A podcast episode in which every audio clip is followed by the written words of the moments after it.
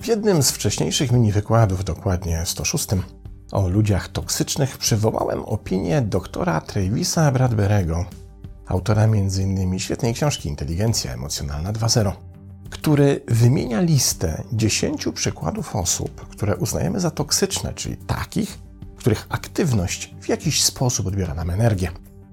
Wśród tych przykładów jedno z czołowych miejsc zajmują ludzie rozsiewający plotki. Wydawałoby się to trochę na wyrost, prawda? No bo cóż to za zbrodnia, kiedy sobie trochę poplotkujemy. Okazuje się, że jednak i owszem, samo plotkowanie z pozoru wygląda niewinnie, niemniej już jego skutki wcale takie niewinne nie są. Przyjrzyjmy się na początek pewnemu przykładowi. Oto wyobraźmy sobie taką sytuację. Stefan z Grażyną jadą na wakacje, zostawiając swój bliźniak z ogródkiem wielkości pocztowego znaczka. Tutaj się w ogóle nie nabijam ze Stefana i Grażyny, bo sam mam taki. Pod czujnym okiem sąsiadów. Żadna tam straż obywatelska, to raczej prośba o rzucenie okiem na chałupę, żeby sprawdzić, czy jakaś łajza się pałęta w okolicy i nie zasadza na ograbienie ich z zawieszonych na płocie solarnych lampek. No dobra, też mam takie. Wreszcie wakacje, palmy, all inclusive i przejażdżki na krokodylach. Jednak wszystko, co piękne, szybko się kończy. Opalony w podkoszulek Stefan z Grażyną opaloną już bardziej ekspozycyjnie wracają do domu i odkrywają, że mimo sąsiedzkiej czujności ktoś ich jednak obrobił. Oto z domu zniknęła biżuteria Grażyny i sygnet z trupią czachą Stefana. Sygnet był z tombaku, ale pozostałe świecidełka już nie.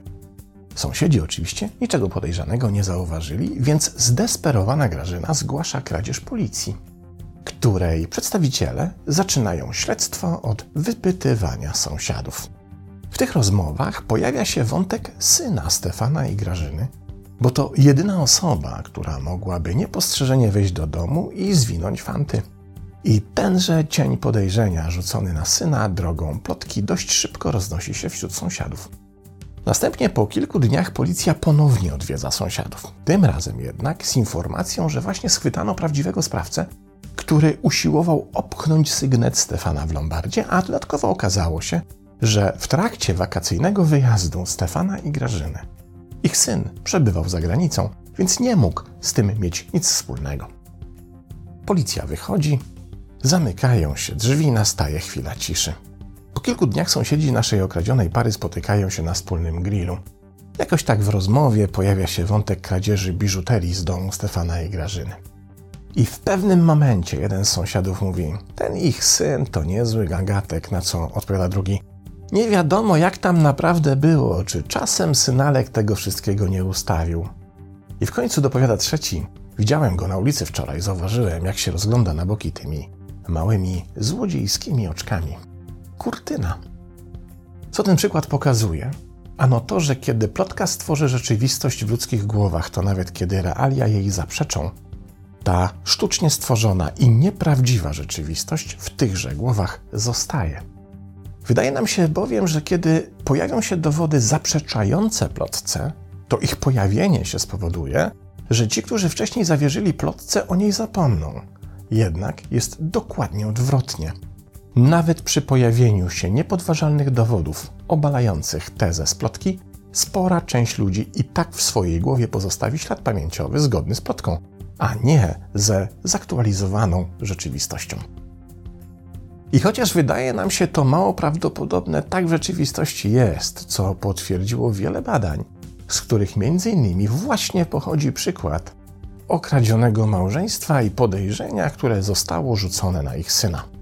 Pierwsze takie badanie przeprowadzili psycholodzy z Uniwersytetu w Michigan, Colin Johnson i Colin Seifert w 1994 roku.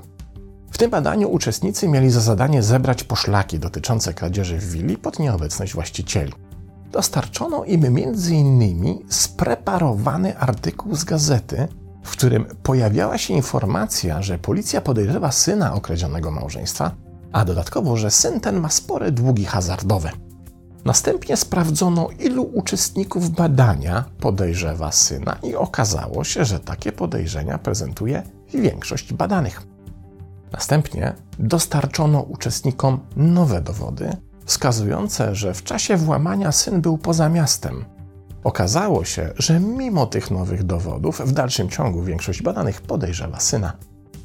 Naukowcy tłumaczą ten fenomen uprzedzeniem, które pojawiło się w głowach uczestników wraz z dostarczeniem pierwszych poszlak wskazujących na syna, i które to uprzedzenie stało się na tyle silne, że kolejne dowody wskazujące na jego niewinność nie były już w stanie go wymazać. Ale na tym nie koniec eksperymentu, bo do podobnych badań sięgnięto w 2015 roku. Tym razem badania przeprowadzono na brytyjskim Uniwersytecie Kent, a ich autorami byli psychologowie Maria Zaragoza i Patrick Rich. Jednak tym razem wprowadzono do badań istotną zmienną. Otóż naukowcy nie podsunęli badanym poszlaki wskazującej na winę syna, a jedynie pozwolili, by badani na podstawie szeregu różnych poszlak i informacji sami wyciągnęli własne wnioski. Okazało się, że w tym przypadku, czyli w sytuacji, w której ludzie sami uznali, że kradzież popełnił syn przebywającej na wakacjach pary, wówczas mimo późniejszych dowodów jego niewinności, ich przekonanie co do winy syna było jeszcze silniejsze. Badacze nazwali to zjawisko efektem wpływu i uznali, że u jego źródeł nie stoi wyłącznie wspomnienie zredukowane przez zaprzeczające dowody, ale wciąż silna pamięć, która staje się tym trudniejsza do usunięcia, im większe było zaangażowanie danej osoby w analizę danej sytuacji. Co to dla nas oznacza? Otóż jeśli komuś podsuniemy jakąś nieprawdziwą informację, to jej ślad pamięciowy zostanie w tej osobie nawet wówczas, kiedy pojawi się dowód na to, że ta informacja była nieprawdziwa. Kiedy zaś po jakimś czasie zapytamy go o ocenę całej sytuacji, której dotyczyła nieprawdziwa informacja, będzie on w tej ocenie brał pod uwagę w równie silnym stopniu tę nieprawdziwą informację. Bo późniejszy dowód przeczący nie wymazuje z ludzkich głów insynuacji, uprzedzeń czy podejrzeń, które się w nich wcześniej pojawiły.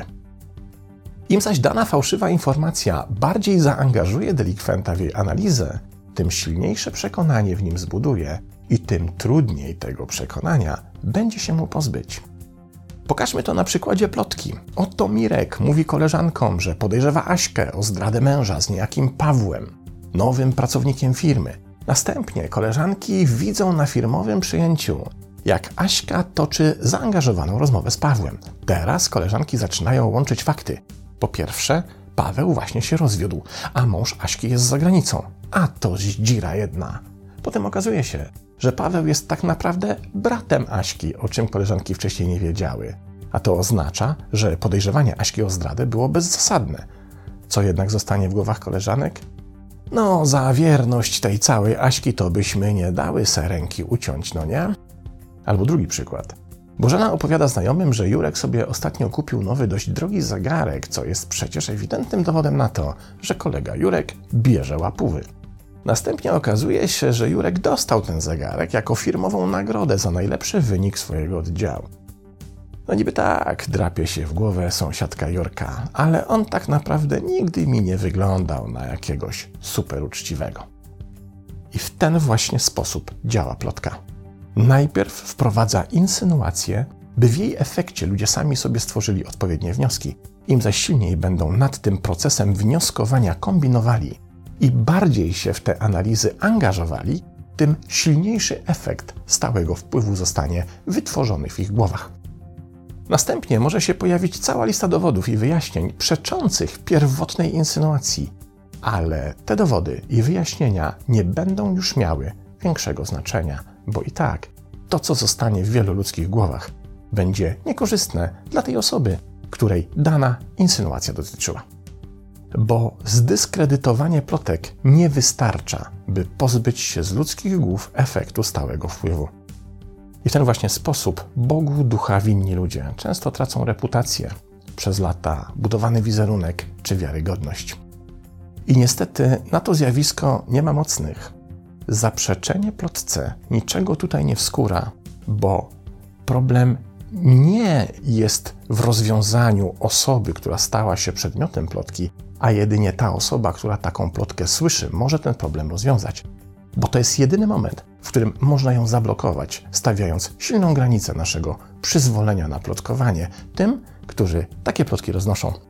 A łatwo ich poznać, bo przecież to właśnie ich, zgodnie ze wskazaniami doktora Bradberego, uznajemy za toksycznych. Zdaje się, że słusznie, prawda? Pozdrawiam.